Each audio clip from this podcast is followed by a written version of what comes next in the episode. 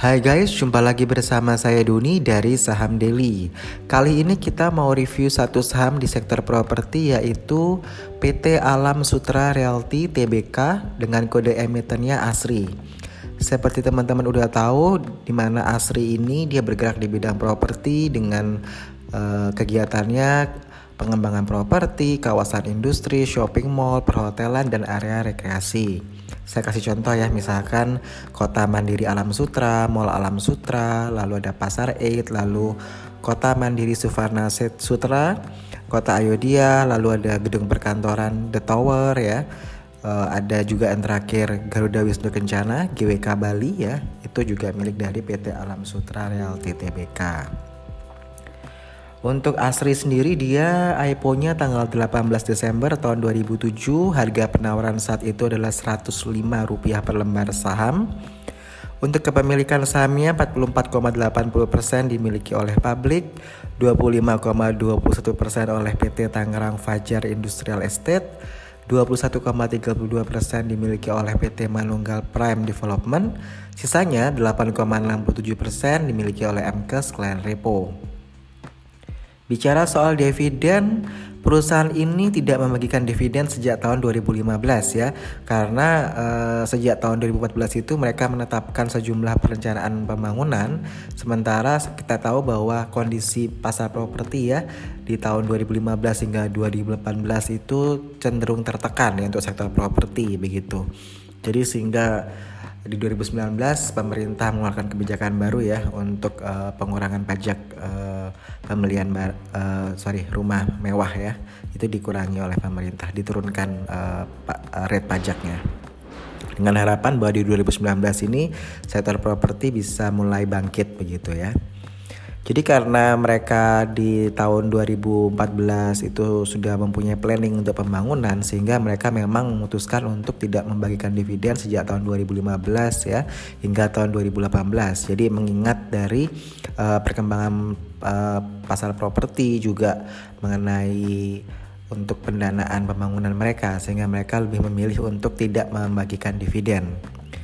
Jadi di, uh, di dari keuntungan yang 2018 itu juga mereka memang tidak memberikan dividen dengan pertimbangan selain pengembangan juga karena ada pemilu ya sehingga uh, Asri ini ingin mengamankan kondisi likuiditas dari perseroan. Nanti saya akan bahas mengenai hutang obligasinya mereka ya di akhir-akhir.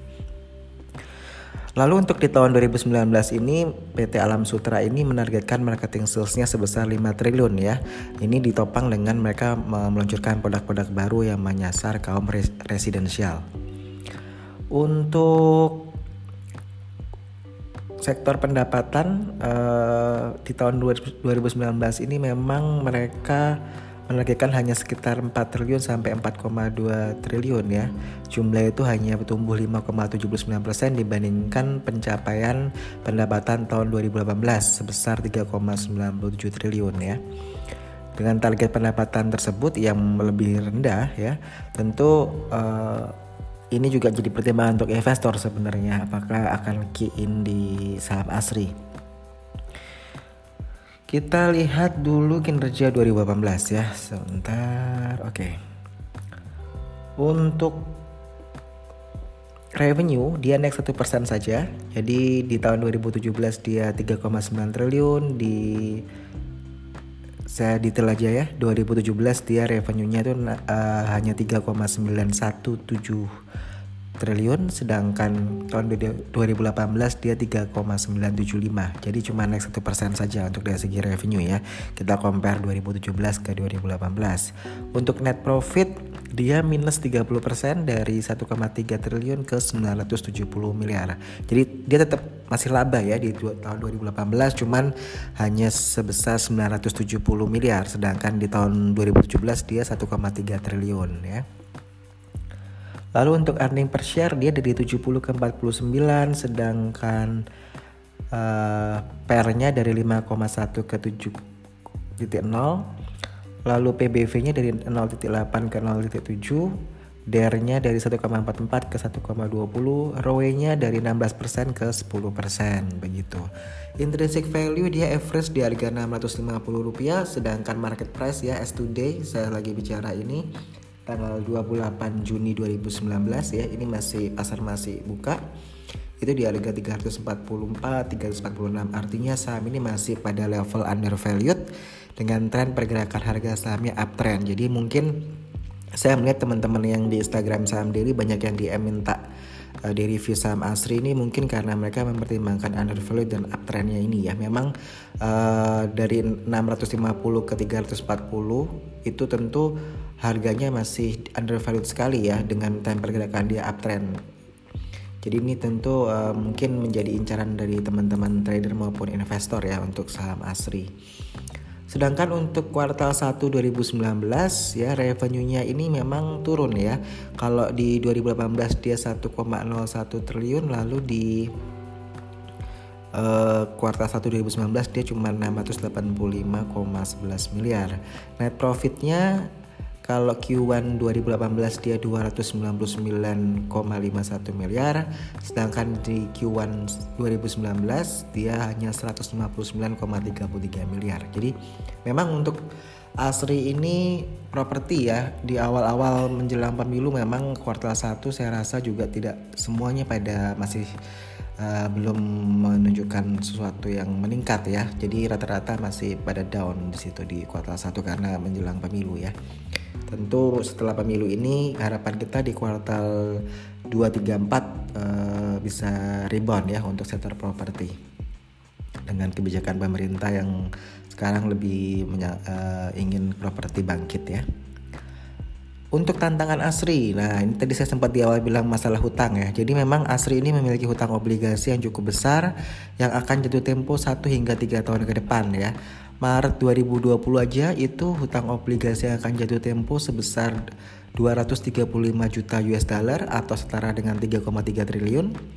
Lalu jatuh tempo lagi di uh, bulan April tahun 2022 eh, itu sebesar 245 juta US dollar atau setara dengan 3,4 triliun. Nah, Strategi dari Asri ini untuk menyikapi hutang obligasi yang akan jatuh tempo, Asri melakukan restrukturisasi hutang obligasinya ya ini dengan menerbitkan uh, senior notes ya sebesar 175 juta US dollar atau setara dengan 2,5 triliun ya diterbitkan di Bursa Efek Singapura ya uh, tanggal 22 Januari 2019 yang uh, senior notes ini akan jatuh tempo tanggal 22 April 2021 begitu ya.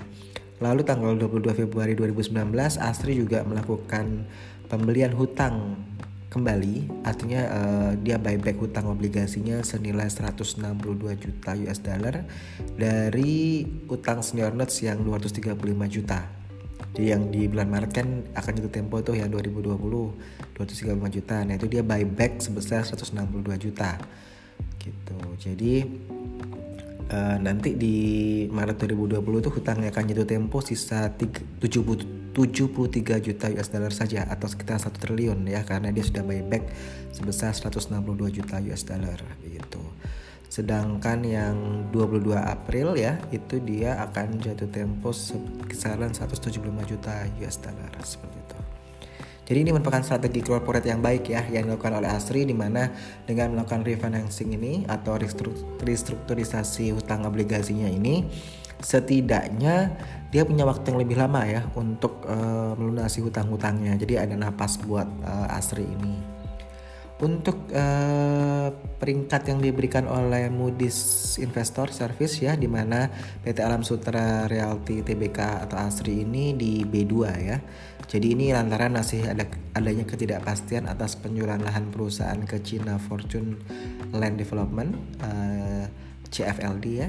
Jadi peringkat B2 ini juga berlaku untuk obligasi global tanpa jaminan yang dikeluarkan oleh anak perusahaannya dia gitu ya Alam Sinergi PT Ltd. Jadi ketika dia menerbitkan hutang obligasi yang baru itu dia melalui Alam Sinergi PT Ltd ya yang di Singapura Bursa Efek Singapura itu. Walaupun begitu, peringkat B2, B2 ini mencerminkan kinerja para penjualan Alam Sutra masih sehat, jadi masih bagus ya. Nah, Asri ini memiliki kontrak penjualan lahan seluas 500 hektar ya dengan CFLD tadi yang China Fortune Land Development Co Ltd itu itu sejak 2017 hingga 2021. Jadi memang ada ada keterlambatan pembayaran ya sekitar 500 miliar untuk lahan yang dibeli di tahun 2018. Jadi ini mungkin yang membuat uh, cash flow dari Asri agak uh, kurang bagus ya karena ada 500 miliar yang terlambat bayar begitu. Tapi sebenarnya ini ya bukan suatu masalah sih, masalah uh, paymentnya saja. Nah, harapannya sih target marketing sales dari Asri ini bisa dicapai ya di tahun 2019 gitu ya dengan penjualan inti sebesar 2,5 triliun dan sekitar 500 miliar dari penjualan tanah ke CFLD tadi. Nah, jika target itu tercapai, maka hutang uh, banding home building EBITDA Alam Sutra akan mencapai empat setengah kali gitu ya dan home building EBIT-nya uh, banding biaya bunga sekitar dua setengah kali. Jadi ini masih masuk ambang batas peringkat B2 yang diberikan oleh Moody's tadi ya. Namun sebaliknya kalau penjualan tanah ke, uh, ke SFLD tadi gagal maka rasio ini akan melemah menjadi lima kali pada 2019 dan enam kali pada 2020. Jadi ini kan tantangannya dia ya, challenge-nya dia. Kalau untuk uh, masalah tadi hutang obligasi sudah dilakukan upaya dengan melakukan uh, restrukturisasi hutang obligasi which is good ya. Untuk Moody's sendiri B2 ini juga masih sehat sebenarnya ya. Lalu yang tidak bisa kita lupakan juga potensi pendapatan dari GWK ya yang ada di Bali di mana ini bisa mengenerate revenue yang besar bagi Asri itu sendiri begitu. Jadi dia ada tantangan tapi juga ada uh, faktor lain ya. Saya rasa kalau uh, propertinya dia semua laku, lalu tanahnya laku, lalu mallnya rame, office-nya juga occupied semua kawasan di gedung perkantorannya juga terisi penuh banyak tenan-tenan yang menyewa. Tentu ini juga akan mengenerate revenue ya untuk Asri di situ untuk komparasi, nah teman-teman yang suka di properti bisa compare uh, saham Asri ini dengan saham PT Agung Podomoro Land Tbk atau APLN, lalu PT Lipo Karawaci Tbk, LPKR, lalu PT Bumi Serpong dan Tbk, BSDE, lalu PT Ciputra Development Tbk CTRA dan PT Sumarekon Agung Tbk SMRA gitu ya. Jadi saya ulangi ya untuk komparasi bisa APLN, LPKR, PSDE, CTRA, SMRA. Ini masih banyak banget uh, saham-saham emiten properti ya. Anda bisa bandingkan aja lebih dalam lagi uh, baca laporan keuangannya. Lalu kalau, kalau ditanya bagaimana prospek Asri ke depannya harusnya masih bagus ya.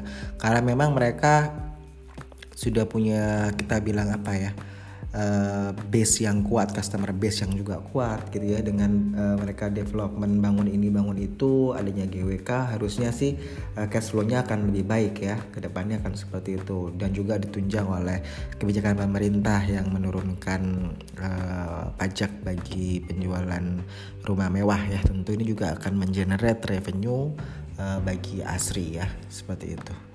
Oke, segitu dulu. Saya Doni dari Saham Daily out.